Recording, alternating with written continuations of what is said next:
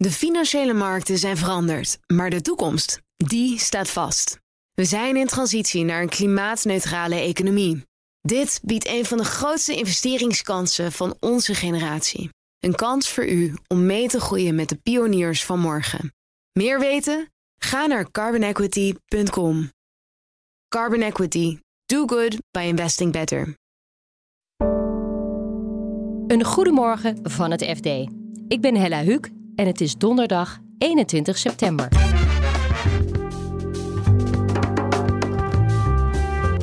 Big Bazaar was gisteren weer te vinden in een rechtbank. Aan alles merk je dat er gewoon ja, dat, het, dat het niet lekker zit meer tussen, die, tussen de oud-eigenaar en Big Bazaar. Groot-Brittannië is de eerste grote westerse economie die zijn eigen klimaatdoelen vertraagt. Dus hij vond niet dat je het verwateren van het klimaatbeleid mocht noemen. Maar intussen stelt hij wel alle maatregelen die op korte termijn tot resultaat moeten leiden, die heeft hij uitgesteld. AI lijkt flinke problemen te kunnen brengen voor het verdienmodel van de media. Die programma's die zijn er, die gaan nooit meer weg. En iedereen gaat ze gebruiken. Dus dan kunnen we nou beter ja, iets doen wat voor ons allebei goed is. Dit is de dagkoers van het FD. Het begint inmiddels een beetje op een soap te lijken. Het voortbestaan van koopjesketen Big Bazaar.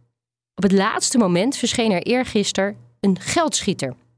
Gisteren trof Big Bazaar de oude eigenaar in de rechtbank vanwege een ruzie.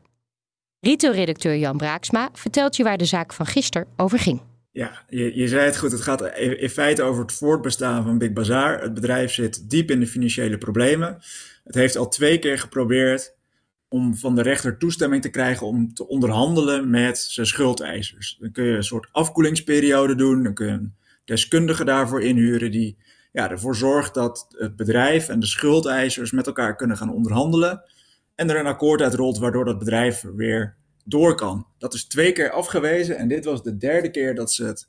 En het grote verschil met de vorige keer is, nu is er een financier die bereid is geld in het bedrijf te steken. En dat was hiervoor eh, een van de redenen waarom die eerdere verzoeken steeds zijn afgewezen zijn, dat het bedrijf er te slecht voor stond. Ik kom dan zo even terug op die financier, want daar zit natuurlijk ook het nieuws. Maar nog even, de eigenaar, Mirage Retail Group, die vinden de plannen onvolwaardig. Die geloven er niet meer in. Nee, precies. Dat is de oude eigenaar. Bazaar uh, heeft geld geleend van Mirage om voorraden te kopen en dat soort zaken. En ze huren ook winkels. En daar is het misgegaan eigenlijk. Want uh, die winkels, daar werd heel lang de huur niet voor betaald. Ja, je, je merkt aan alles dat uh, Mirage eigenlijk niet meer gelooft in de plannen van Big Bazaar. En nu komt er iemand op de proppen die zegt: Ik kan nu wel 2 miljoen gaan lenen. Ja, en, en later nog een keer de 2 miljoen insteken. Het is een oude bekende van Big Bazaar. Want uh, onze collega Bart Mos was uh, uh, begin augustus in de rechtbank. En die zag daar een kort geding staan op de rol. Tussen Big Bazaar en Kees Wim van Noordenne. En dat blijkt deze geldschieter te zijn. Dus dit is een man die alles eerder 2 miljoen aan Big Bazaar heeft uitgeleend. Big Bazaar is gestopt met het betalen van de rente omdat ze in financiële problemen waren. Die man heeft dus Big Bazaar voor de rechter gedaagd in augustus. Dat is allemaal met een sisser afgelopen, dat is geschikt. En nu komt die man uit de hoge hoed als de redder van het bedrijf. Wat weten we iets over de motieven? Waarom zou je eerst schuldeiser zijn en dan zeggen: Oh, ik ga toch 2 tot 4 miljoen erin stoppen? Uh, toen ik de eigenaar van Big Bazaar daar een paar weken geleden over sprak, toen dat voor het eerst allemaal speelde, toen zei hij: Ja, het is, een, bijna, het is een, een vriend van het bedrijf. Hij, hij, is er al heel lang bij betrokken. Hij denkt graag mee. En ik beschouw hem ook als een persoonlijke vriend. Dus misschien dat dat vanwege de relatie tussen die twee is. Ja, of de advocaat van Mirage, die suggereerde eigenlijk dat er een soort opzetje was. Dus dat Big Bazaar samen met die financier eigenlijk een soort Big Bazaar 2.0 aan het opstarten was. Ja, en dat zij dan samen denken, nou ja, misschien komen we er met z'n tweeën uit en, en kunnen we er een bloeiend bedrijf uh, van maken als we al die ballast van die schulden en zo kwijt zijn. En wat denk jij, zou dan uh, die 4 miljoen genoeg zijn om de keten door te starten? Klinkt een beetje technisch, maar dat hangt er vanaf wanneer de eerste aanvraag voor de schuldsanering is gedaan. En dan denk je dat is toch heel erg duidelijk, maar ja, het zijn drie afzonderlijke keren gebeurd. De eerste keer door Big Bazaar zelf, toen een keer door de ondernemingsraad en nu dus door twee schuldeisers. Ja, en Big Bazaar zegt, wij gaan ervan uit dat we vanaf dinsdag de, de teller is gaan lopen. En de rechtbank zegt, nou ja, het zou ook wel eens vanaf vorige maand kunnen zijn. En als dat het geval is, dan moet Big Bazaar veel meer geld ophoesten dan Van Nordenne nu wil doen.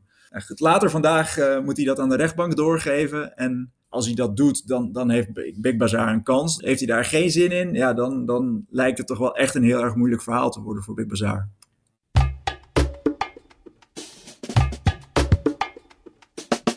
Premier Sunak zet een rem op het Britse klimaatbeleid. Sunak houdt wel vast aan het voornemen om in 2050 energie-neutraal te zijn, maar dat moet volgens hem op een meer pragmatische manier worden bereikt. Onze correspondent in Engeland, Joost Dobber, vertelt je welke maatregelen worden afgezwakt. De meest in het oog springende is het verbod op de verkoop van nieuwe benzine- en dieselauto's. Die was gepland voor 2030. Het hele idee was om dat sneller te doen dan de Europese Unie, zodat een betere prikkel zou zijn om uh, wereldleider in elektrisch rijden te worden.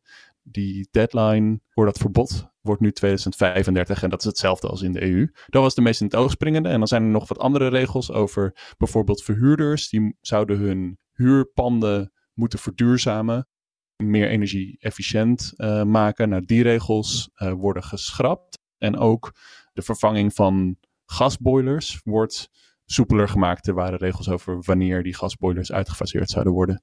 Ja, Sunak die maakte er nog een mooie show met allerlei andere voorstellen. Bijvoorbeeld de komst van um, belasting op vliegen zou niet doorgaan. Maar dat waren allemaal maatregelen die nog helemaal niet echt voorgesteld waren. Wat is de reden dat hij toch bakcel moet halen met al zijn klimaatambities? Het zijn niet echt zijn klimaatambities. Ik denk dat dat een goede manier is om er naar te kijken. Hij heeft dit geërfd natuurlijk van Boris Johnson en de conservatieve premiers daarvoor. Dus hij, hij is zelf niet heel erg overtuigd van de noodzaak om er heel snel werk van te maken. Want hij is ook bang dat het vooral heel erg veel geld kost. Dus hij kijkt er gewoon anders tegenaan.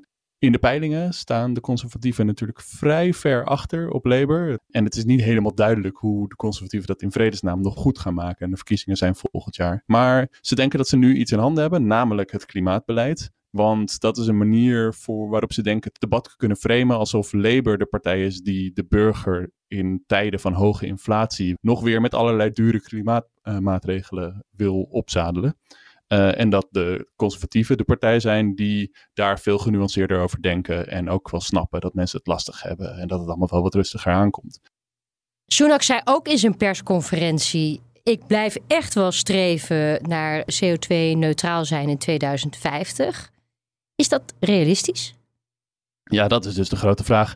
Want uh, hij zei inderdaad, we houden ons nog steeds aan het klimaatakkoord van Parijs. Het is in de Britse wet vastgesteld dat ze in 2050 klimaatneutraal moeten zijn. Die net zero doelstelling blijft overeind, zei hij. Dus hij vond niet dat je het verwateren van het klimaatbeleid mocht noemen. Maar intussen stelt hij wel alle maatregelen die op korte termijn tot resultaat moeten leiden, die heeft hij uitgesteld.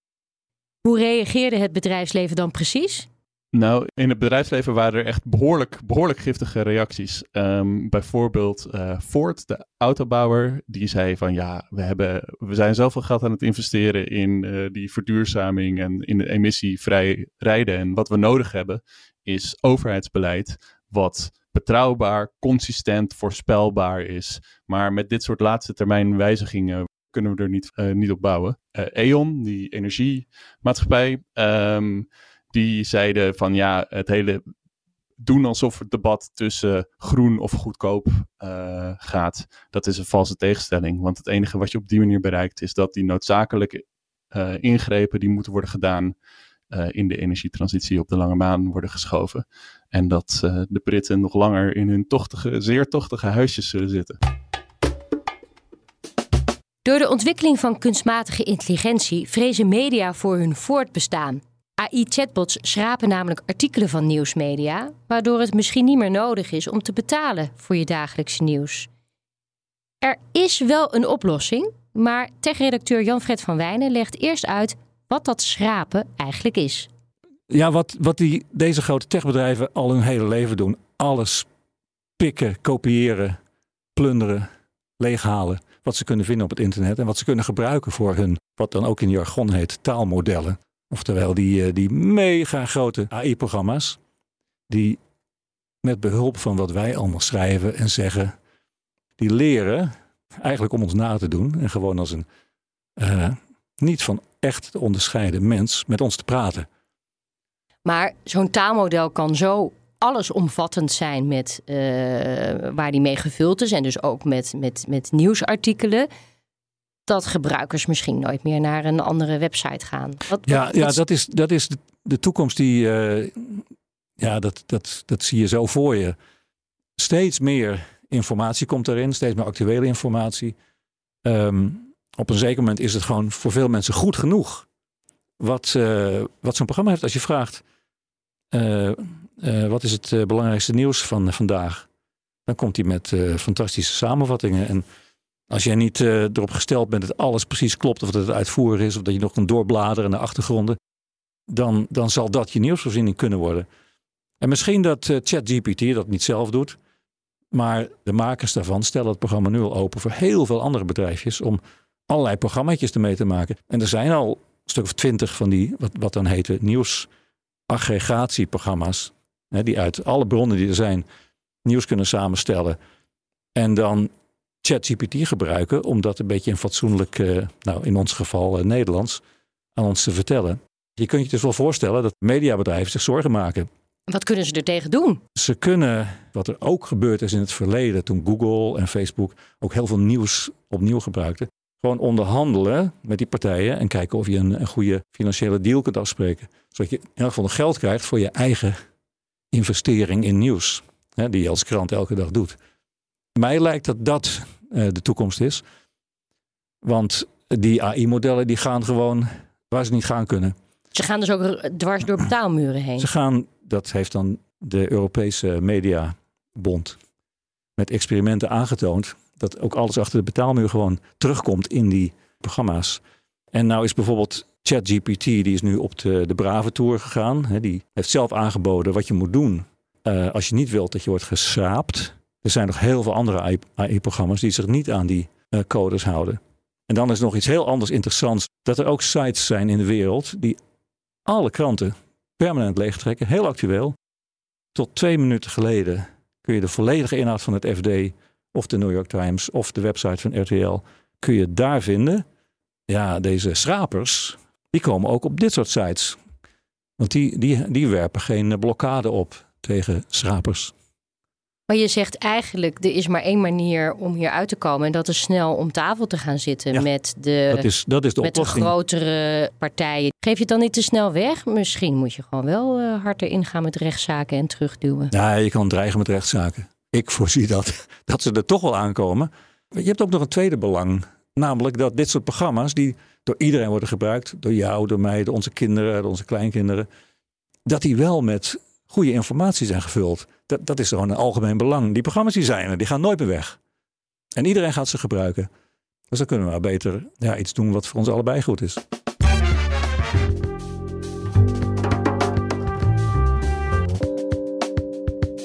Dit was de dagkoers van het FD.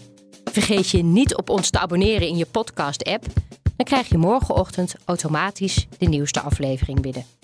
En natuurlijk kan je het laatste financieel-economische nieuws vinden op fd.nl en de app. Nog een hele fijne dag en graag tot morgen.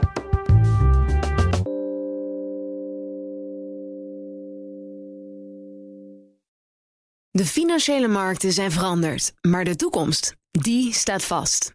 We zijn in transitie naar een klimaatneutrale economie.